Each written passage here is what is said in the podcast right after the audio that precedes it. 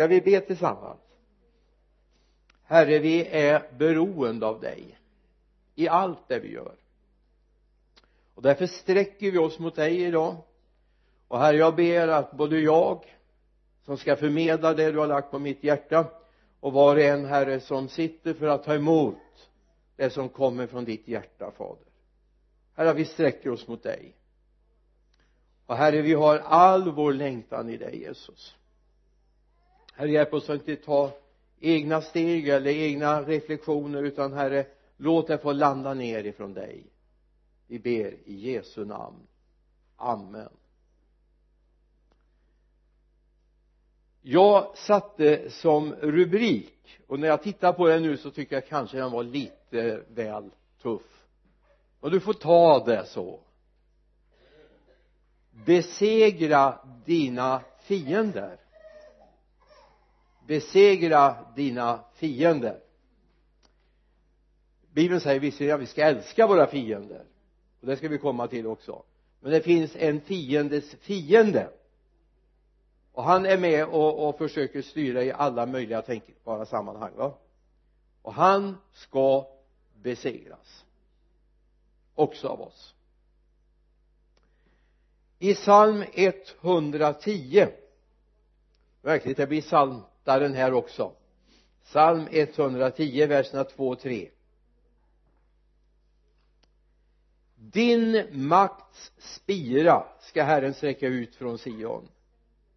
Du ska härska mitt ibland fiender. Villigt kommer ditt folk när du samlar din här. I helig skrud kommer din unga skara inför dig som daggen kommer ur morgonrodnadens sköt vet ni stadsbor vad dagg är egentligen? Och det är ljuvligt. Komma ut i morgongräset. Den här fräscha daggen ligger fortfarande på på, på eh, stråna. Och man blir lite sådär halvblöt om fötterna. Och det ser så fräscht ut. Som morgonrodnadens kommer ur morgonrodnadens sköte vi ska ta med ett ord ifrån nya testamentet också. Matteus 5 Jesu bergspredikan. Vers 43 och några versar framöver. Vers 43 i Matteus 5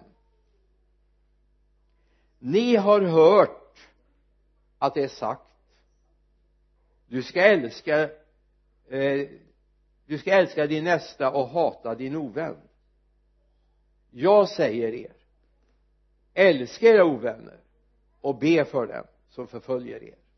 Då är ni er himmelske faders barn.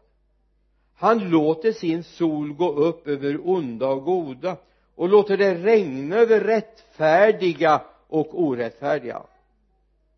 Ty om ni älskar den som älskar er vilken lön får ni för det? Gör inte publikanerna det också? Om ni hälsar endast på era bröder vad gör ni för något märkvärdigt med det? Gör inte hedningarna det också? Var alltså fullkomliga som er fader i himlen är fullkomlig. Det här sista är egentligen den upp och nervända världens budskap eller ska vi säga den rättvända världens budskap? Det vill säga att när vi blir omvända blir vi rättvända från att varit felvända. Alltså det som händer i omvändelsen det är att vi kommer rätt i livet. Inte det är inte så att, om, att vara omvänd är något undligt när du omvänder dig kommer du dit Gud har skapat dig för att vara. Guds tanke. Att vara oomvänd det är att vara felvänd i förhållande till Guds skapartanke. Och vi ser att den här världen den är felvänd i mycket. Vi lever i en trasig värld. Det kommer vi aldrig undan. Och tyvärr är det så här vi kan inte välja omgivning alltid? Det är inte alltid så att vi väljer våra grannar. Vi väljer vårt boende men vi kan inte alltid välja vilka som flyttar in i husen runt omkring eller i lägenheterna runt omkring. Och på jobbet väljer du inte alltid vilka arbetskamrater du har utan startar du på ett jobb så får du ta hela paketet om du vill jobba kvar där annars får du byta arbetsplats då har vi att förhålla oss till det här. Jag, jag är medveten om jag är oerhört privilegierad. Jag lever i, på en arbetsplats där vi älskar Jesus. Och det är väl gott va? Men jag har också varit på arbetsplatser där man inte har tillbett Jesus. Där man har svurit och förbannat och talat om hur fruktansvärd chefen är hur hemskt det var när det gick sönder när det brast den här muren man höll på att mura och så vidare. Och det var ju alltid någon annans fel. Och här har vi att förhålla oss till att vara i den här världen. Eller vara på industrin när jag gick på industrin en period och jobbade som skifteselektriker jag kunde inte välja. Jag är oerhört tacksam. Jag hade en arbetskamrat som var kristen. Och han var mer kristen än jag någonsin tror har blivit. Han älskade Jesus och talade om Jesus. Han svor inte och han förbannade inte utan han bara talade om hur underbart det var med Jesus. Och han började påverka mitt hjärta så att det betyder väldigt mycket. Jag gjorde några praktikperioder under min skoltid där. Det betydde så otroligt mycket för mig. Men för övrigt var det svordomar, förbannelser. Man talade illa om varandra och så vidare. Och i den här världen hade jag att förhålla mig när jag hade tagit emot Jesus. I den här världen.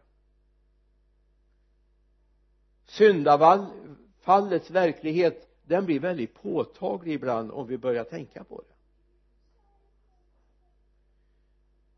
Jag menar syndafallets konsekvenser flyttar till och med in i våra vardagsrum. Slå på tv-apparaten. Se nyheterna. Och så ser vi om allt elände, allt hemskt som händer i vår värld. Hur människor dödas. Hur människor hatar varandra.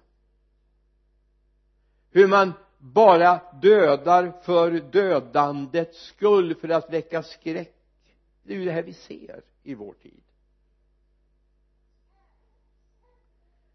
I romarbrevet säger Paulus i det åttonde kapitlet med början på vers 5 till och med vers 9 de som lever efter sin kötsliga natur tänker på det som hör köttet hör till köttet men de som lever efter anden tänker på det som hör till anden. Köttets sinne är död men andens sinne är liv och frid. Köttets sinne är fiendskap mot Gud. Det underordnar sig inte Guds lag och kan det inte heller. Det som följer sin syndiga natur kan inte behaga Gud ni däremot lever inte efter köttet utan efter anden eftersom Guds ande bor i er. Den som inte har Kristi ande tillhör inte honom. Men vad gott att höra. Guds ande bor i dig. Guds ande bor i oss. Halleluja. Guds ande bor i oss alltså hör vi honom till. Vi lever med människor som lovprisar mörkrets makter som hyllar det som hör till mörkrets makter.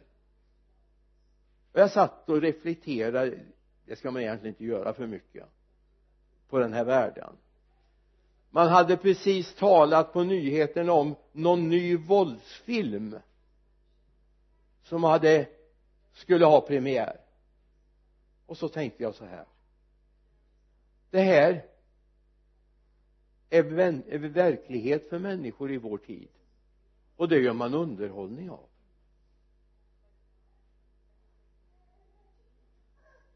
Det som är verklighet för människor det sitter människor hemma i tv-sofforna och njuter av eller i biosalongen och njuter av. Visst är det en pervers värld? Visst är det hemskt? Vad vad är det för något sinne som finns i de människor som ser det? För att inte säga vad är det för något sinne de människor har som skapar det? Vems ärende går de? Och vem samspelar jag med om jag överhuvudtaget ägnar det någon uppmärksamhet? Det är mörkrets välde. Köttets välde. Bibeln säger att vi ska inte låta oss påverkas färgas få våra värderingar ifrån det som hör världen till. Paulus säger i Romarbrevet 12 och 2 anpassa er inte efter den här världen. Anpassa er inte. Gör vi det så är vi illa ute. Då kommer vårt liv ända i ett mörkt helvete. Så är det. Vi väljer här vad vi vill med vårt liv.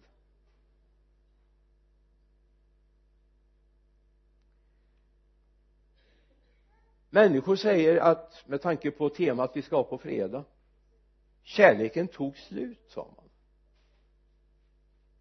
När man ville gå skilda vägar.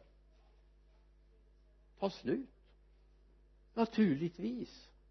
Ledsnar jag på en krukväxt så slutar jag vattna den för då kan jag känna att yes nu börjar den vissna nu ser den riktigt tråkig ut. Jag menar det är lika bra att kasta den. Slutar jag vattna kärleken? Med omsorg.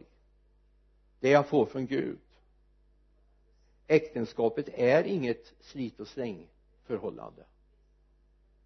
Det är ett beslut jag tar inför Gud oavsett om jag har en borgerlig vigsel eller så äktenskapet är av Gud. Oavsett vem som står framför och var jag skriver under papperna äktenskapet som konstitution är av Gud.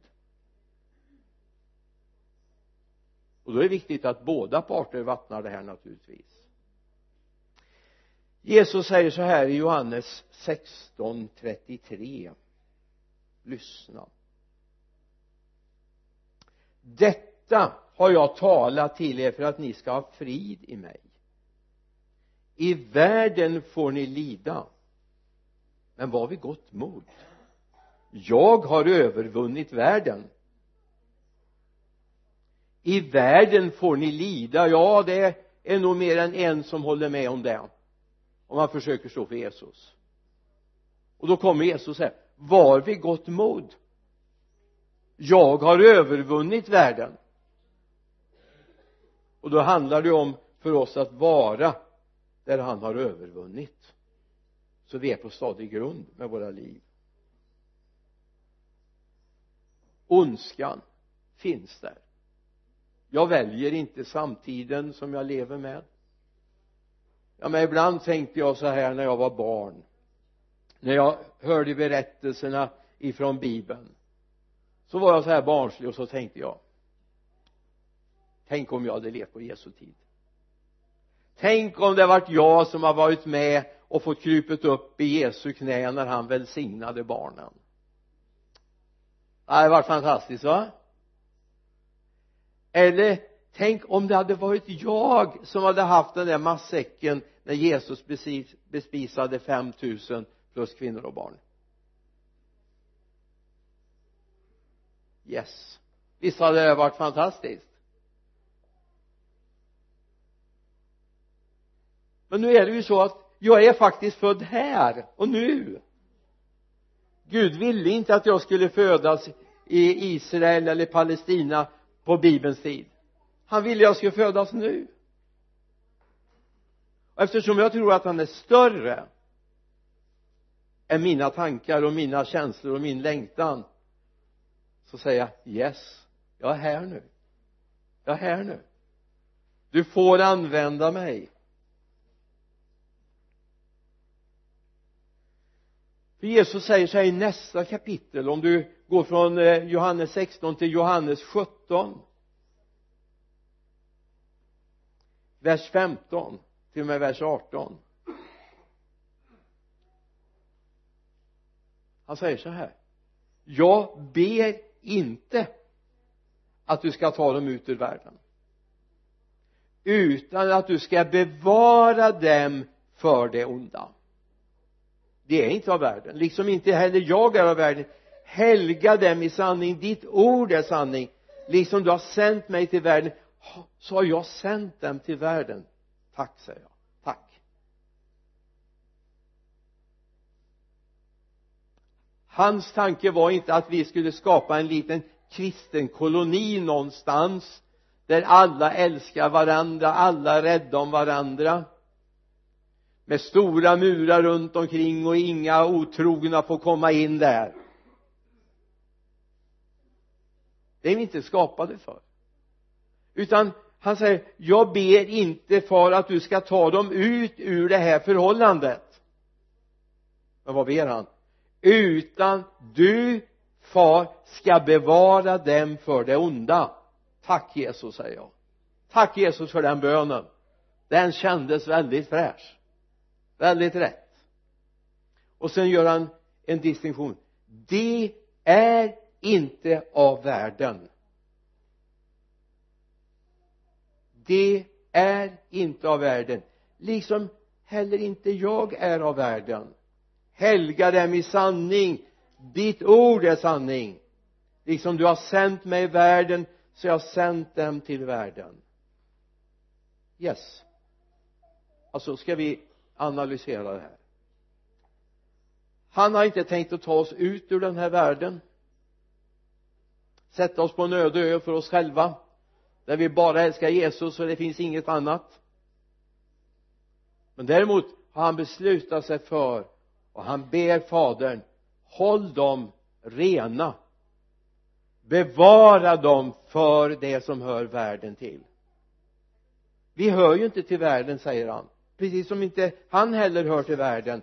Och sen avslutar med liksom du har sänt mig så sänder jag dem till världen. Vi är här för världens skull.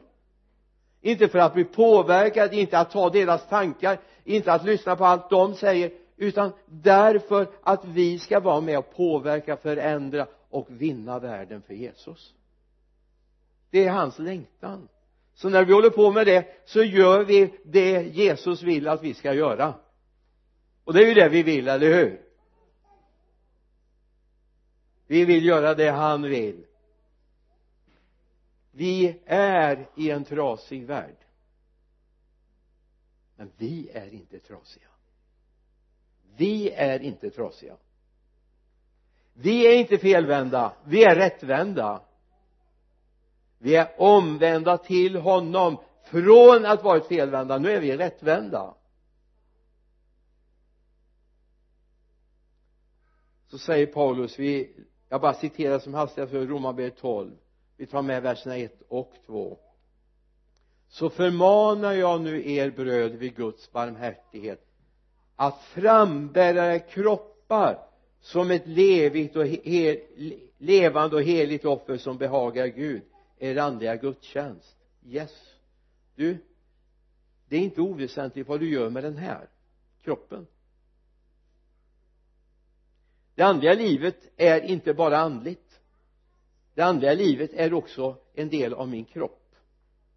Och syndar jag mot min kropp så syndar jag mot Gud. Och det är viktigt att komma ihåg. Gud älskar hela mig. Hundra procent av mig älskar han han älskar min ande, han älskar mitt själsliv, mina själsförmögenhet men han älskar också min kropp. Och den ska jag få jubla inför levande Gud med. Så jag gör en andlig gudstjänst.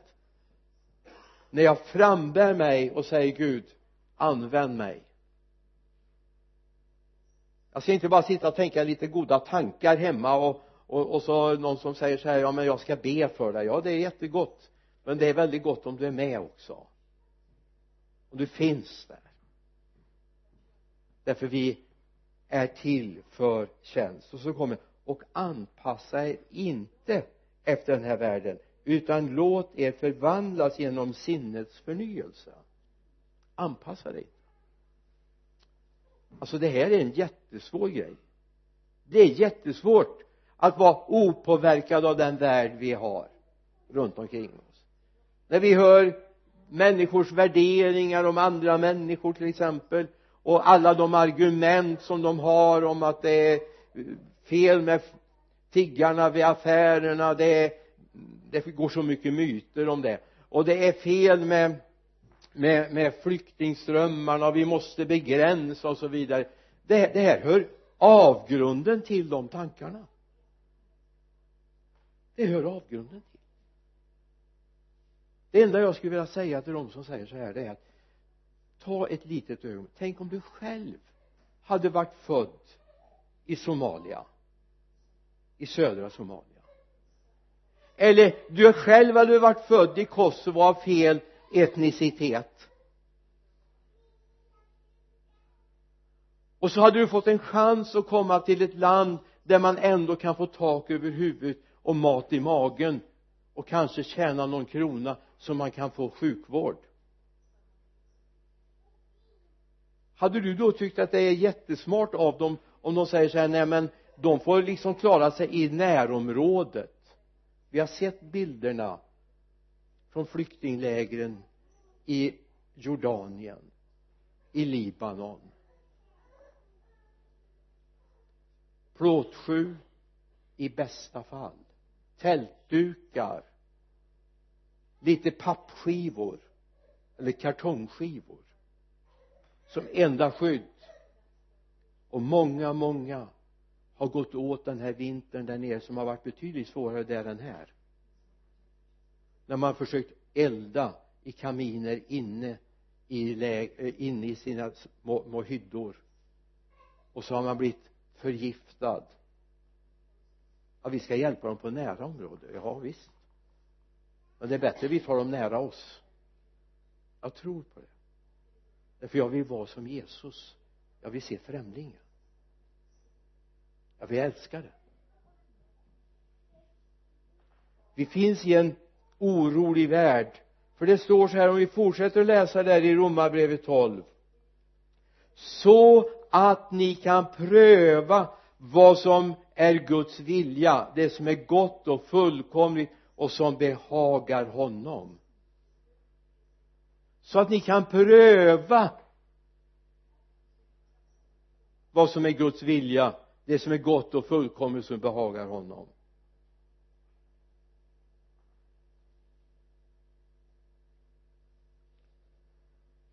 Vi har möjlighet att besegra den ondska den fiende som vi har och då talar jag inte om människor jag talar om att vår kamp är inte mot kött och blod alltså inte mot människor utan mot förstar och väldigheter och världshärskare som råder här i mörkret.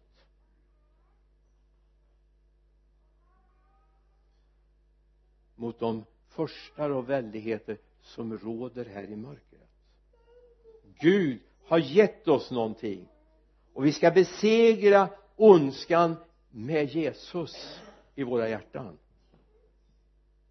Inte bara vår personliga fiende utan egentligen hela skapelsens fiende. Den onde. Och då är det så gott att veta att han som är i dig om du har Jesus i hjärtat är större än den som är i världen.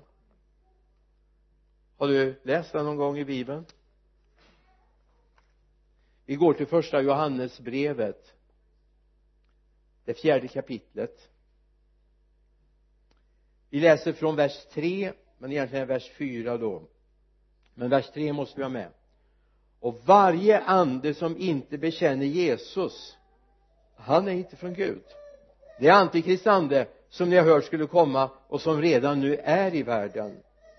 Vers 4 ni kära barn är från Gud och har besegrat dem ty han som är i er är större än den som är i världen.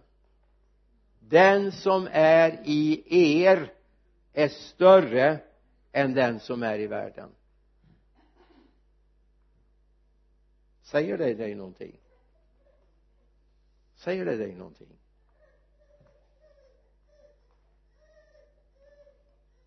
Om du bekänner Jesus i ditt hjärta och du sagt Jesus du är herre över mitt liv då är han större i dig. Har mer makt mer kraft, mer förmåga än det som finns i den här världen och försöker vilseleda dig. Vad viktigt är att vi upptäcker att vi kan få gå rätt väg. I Kolosserbrevets andra kapitel så säger Paulus och det här är oerhört centralt för oss att ha klart för oss om vi ska leva i seger. Vers 13 Kolosserbrevet 2 vers 13 ni som var döda på grund av era överträdelser och, era oomsku och er oomskurna natur också er har han gjort levande med Kristus. Han har förlåtit oss alla överträdelser. Och strukit ut det skuldebrev som med sina krav vittnade mot oss det har han tagit bort genom att spika fast det på korset. Och så han har klätt av välden av makterna och förevisat dem offentligt. När han på korset triumferade över dem. Vad är han triumferad över? Jo samma fiende som du och jag brottas med ibland. Alltså när du lockas av det här när du känner att du har svårt att hålla emot prövningen, frestelsen att gå över hel väg att göra fel saker så måste du tala om för honom som frestar dig du är utan makt. Du har ingen makt. Du kan ju påminna honom han vet säkert vad som står i Kolosserbrevet 2.15 han vet det bättre än vad du vet det. Jag hade jag frågat dig nu här i början så är det inte så många som har sagt det men det står i Kolosserbrevet 2.15 men djävulen vet det för han var med när det här hände. Han blev avklädd all sin makt och all sitt välde. Och han blev offentligt förnedrad när Jesus träder fram ur döden när den besegras. Han vet om det. Han vet om det. Och han lever i det. Och du ska påminna honom du behöver få se det här verka i dig. Det, det är ju underbart att läsa första Johannes 4 och 4 eller hur? Han som är i oss är större än den som är i världen. Det är gott att säga halleluja till det va? Amen. Men vi behöver få liksom se det här att det här är inte bara ett enda ställe i bibeln det står. Vi går till Efesierbrevets första kapitel vers 18 och 19 Efesierbrevet 1, 18, 19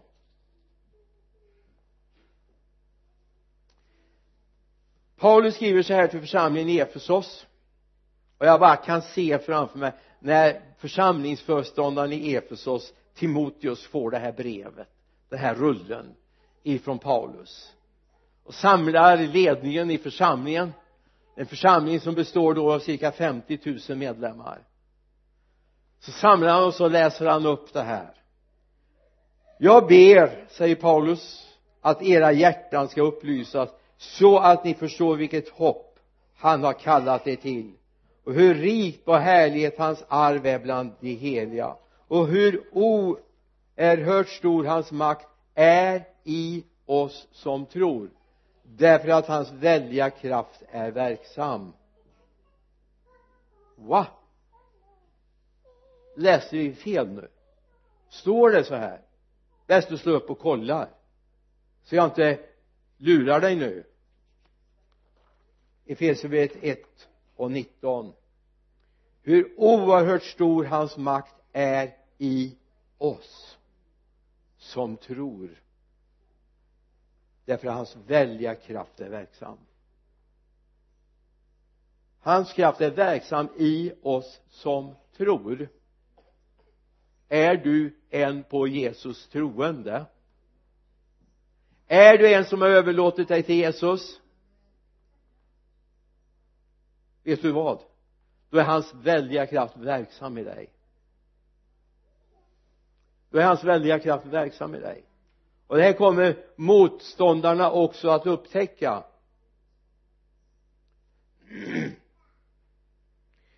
Då finns en klassisk fråga eller ett klassiskt försvar som många människor använder. När du har insett ja men Gud har utrustat mig. Jag, jag är verkligen yes Jesus lever i mitt hjärta. Och han som är i mig är större än han som är i världen. Och det säger ju djävulen då för han, han, han inser ju att det, det, det är sant. Så han säger ja så är det. Så är det. Men han ger sig inte där. Du säger han men alla andra gör ju så. Alla andra kristna gör så. Låter desinformationen ifrån helvetet gå in i deras hjärtan. Alla andra kristna gör så.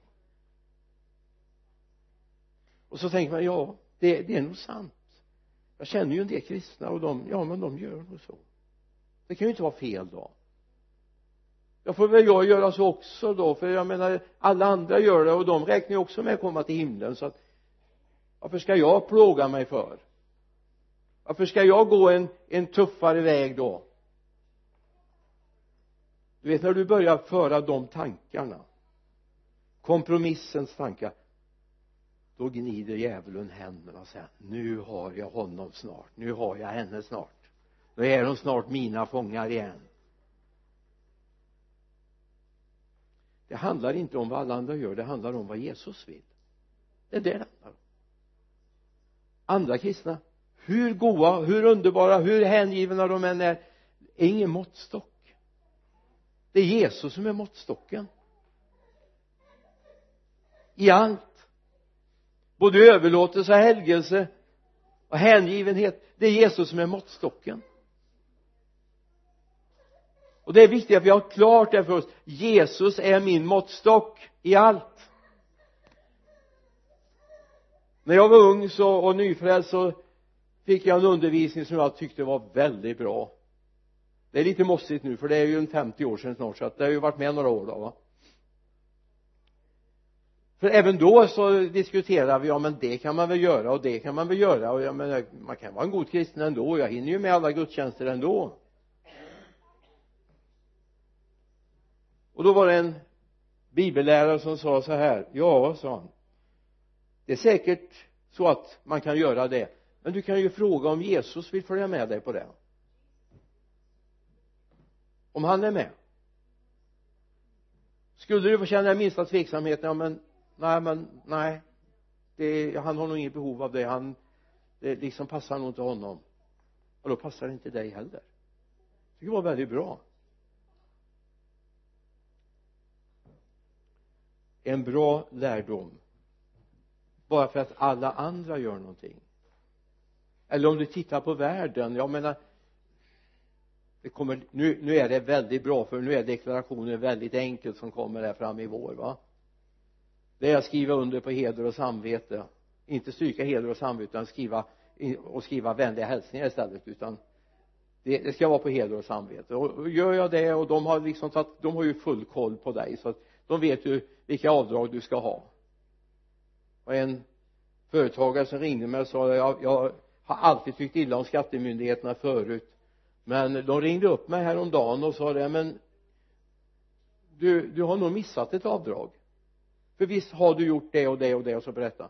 Ja men det har du inte liksom uppgett. Så vi justerar din deklaration så den blir ännu bättre. Det kallas för service det är väl i deras nya approach nu så ska de vara service-mindade då. Alltså det finns en grund och det är Jesus. Det Jesus kan vara med på. Det kan jag också göra. Det Jesus kan vara med på kan jag också göra. När Jesus flyttar in och är i oss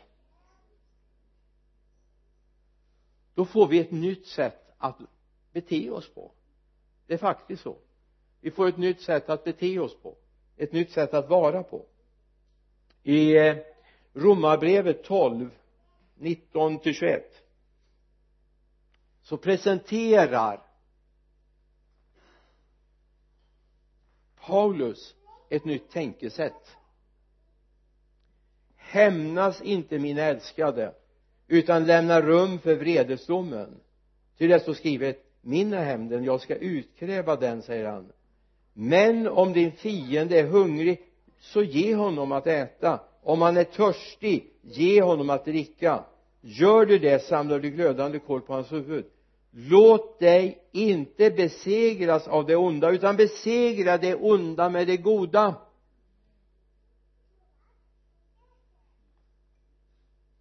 Det är i den här världen. Där finns en längtan ge igen. Du ska inte tåla en oförrätt. Ge igen. Men det är inte bibelns budskap. Det är det som skapar krig. Öga för öga, tand för tand. Sannerligen så uppstod det blodsvite på min kusins kusin en gång bäst att jag hämnas och det ska inte vara, det ska vara mer än blodsviter då. Mer än ett sår. Men om din fiende är hungrig så ge honom att äta. Tänk om det vore så i krig.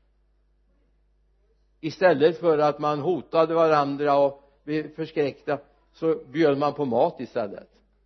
Hade lite party istället. Ja, jag vet att det här funkar inte. Därför det finns så mycket annat som ligger bakom och kom ihåg att allt hat allt att ge igen kommer från avgrunden.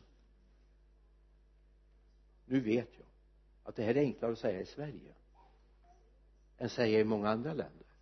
Jag vet det.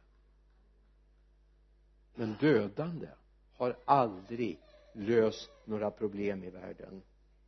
Utan det är när man kommer överens när man försonas som vi löser problem men med Kristus har jag fått ett nytt hjärta. Jag har fått nya tankar. Jag har fått nya värderingar. Och jag kan till och med se den som har varit min fiende som en människa. Jag säger inte att jag blir vän på en gång men det är en människa som också är värd. Vi lärde oss att be i Matteus eh, 6 om vi börjar på vers 9 så är det fader vår som är i himlen. Helgat varde ditt namn. Tillkommer ditt rike ske din vilja och så vidare. När vi kommer fram till vers 13 så lär oss Jesus att be och för oss inte in i frestelse utan fräls oss från den onde. I äldre översättningar stod det från ondskan. Det är onda. Men här är, är det faktiskt personifierat för ondskan kommer från en enda källa. Och eftersom eh, Ann var inne i Hesekiel så ska jag kliva in där också. Men jag tar elfte kapitlet. Vers 18 då står det när de ska kliva in i det nya.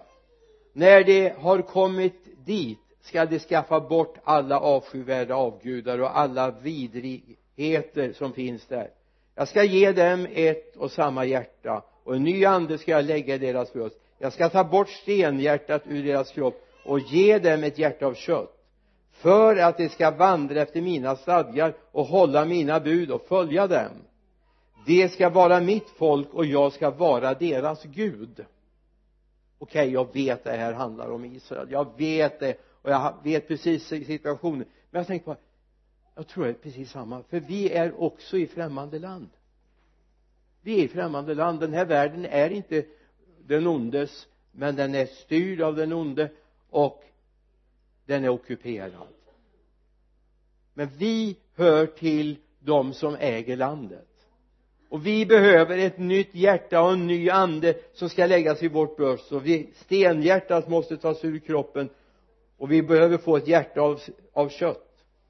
För att vi ska vandra efter Guds stadgar och hålla hans bud och följa dem. Vi ska vara hans folk. Och han ska vara vår Gud. Det är det nya i det nya. Nu ska jag ta en liten passus. Jag vill att du har eftertanken med dig. Om jag lever i kompromiss med den här världen så kommer jag aldrig bli någon segrare mot det onda. Det är viktigt att jag lever öppet, ärligt, sanningsenligt och rent inför honom. För du vet människor kan vi lura vi kan se hur gudaktiga som helst när vi kommer samman i gudstjänsten. Vi kan se hur heliga ut som helst.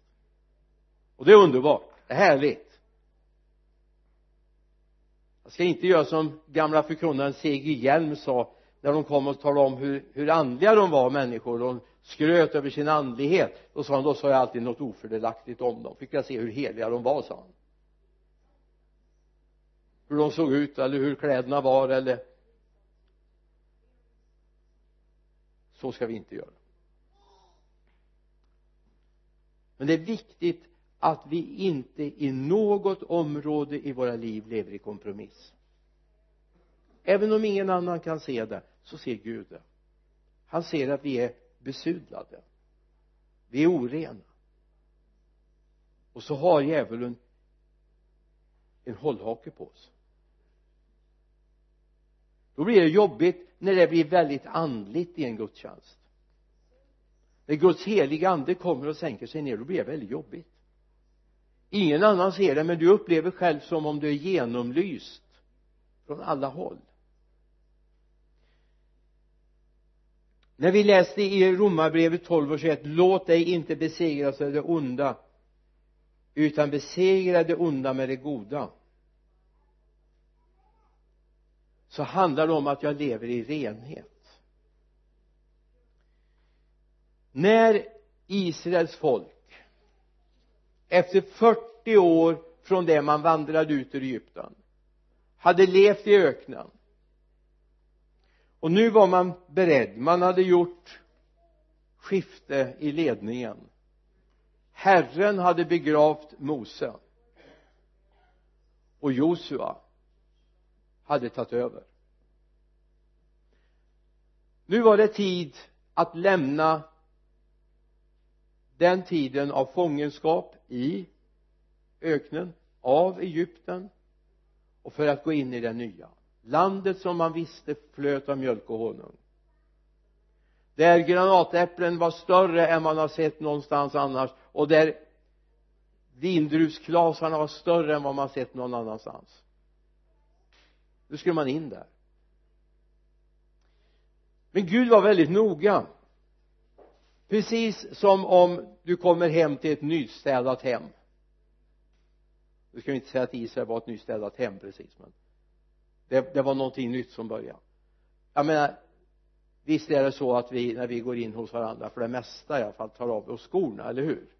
Eller också torkar vi av dem väldigt noga så att vi inte drar med oss leran utifrån eh, vägen in i, hos vänner och bekanta, eller hur? Likadant tänker Gud. Nu gör jag någonting nytt.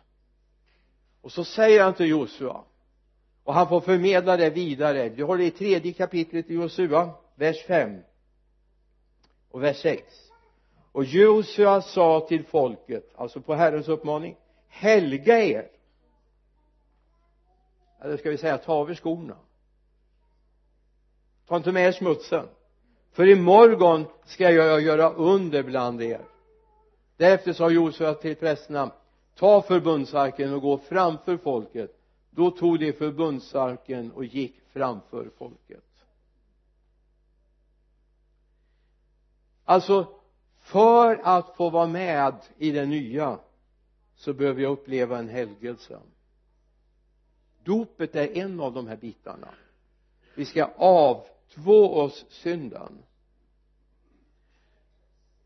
omvändelsen är naturligtvis startsteget när jag medvetet lämnar den felvända situationen med tankar med värderingar som jag hade förut.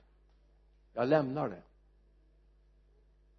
För att ikläda mig en helighet så jag passar i Guds sällskap. Ikläder helighet. I psalm 110 vers 3 läser vi förut. Villigt kommer ditt folk när du samlar din här.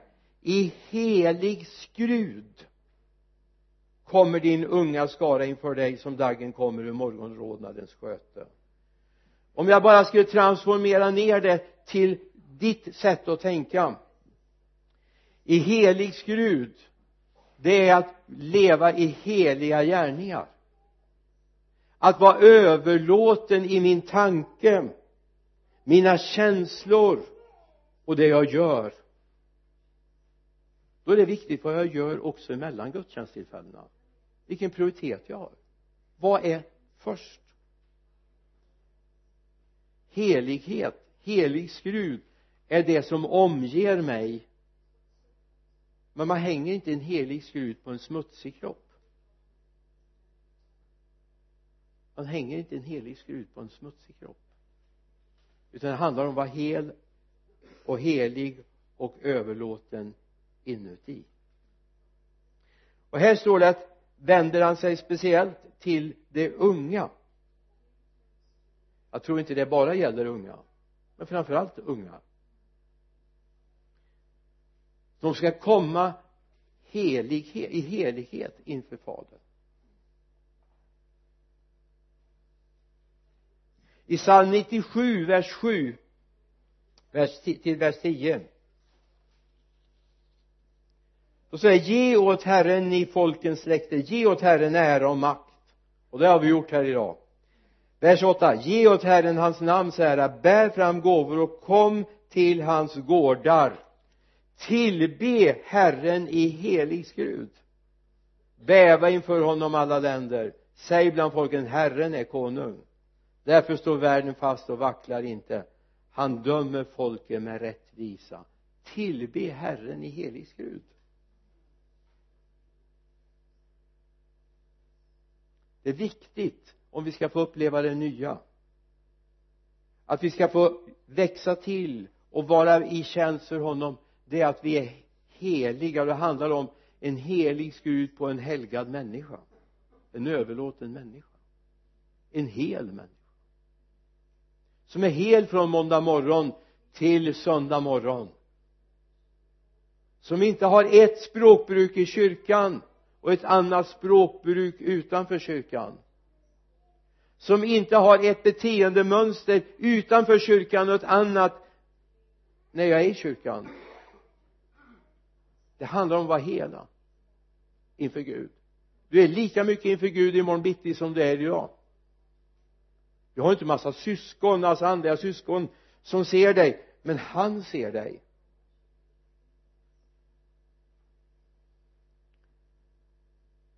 När Gud får tag i mig och jag kommer i helighet det är då mitt hjärta förändras. Det är då mina tankar, mina värderingar och mitt sätt att vara förändras. När Jesus som är vår förebild. Lukas 23 och 34 han hänger på korset. Han är korsfäst över huvudskalleplatsen. Och just i det ögonblicket han fästes på korset så säger han till far far förlåt dem ty de vet inte vad de gör. Och de delade hans kläder mellan sig och kastade lott om den. Okej okay, säger du det här var Jesus. Men vi, vi är ju ljusår från Jesus. Ja visst är vi det. Eller är vi det? Han bor ju i oss. Då är vi inte några ljusår ifrån honom, eller hur? Han är väldigt nära oss. Men vi kan titta på Stefanus den första kristne martyren. Apostlagärningarna 7 59 60 så stenade Stefanus under det att han bad Herre Jesus tag emot min ande.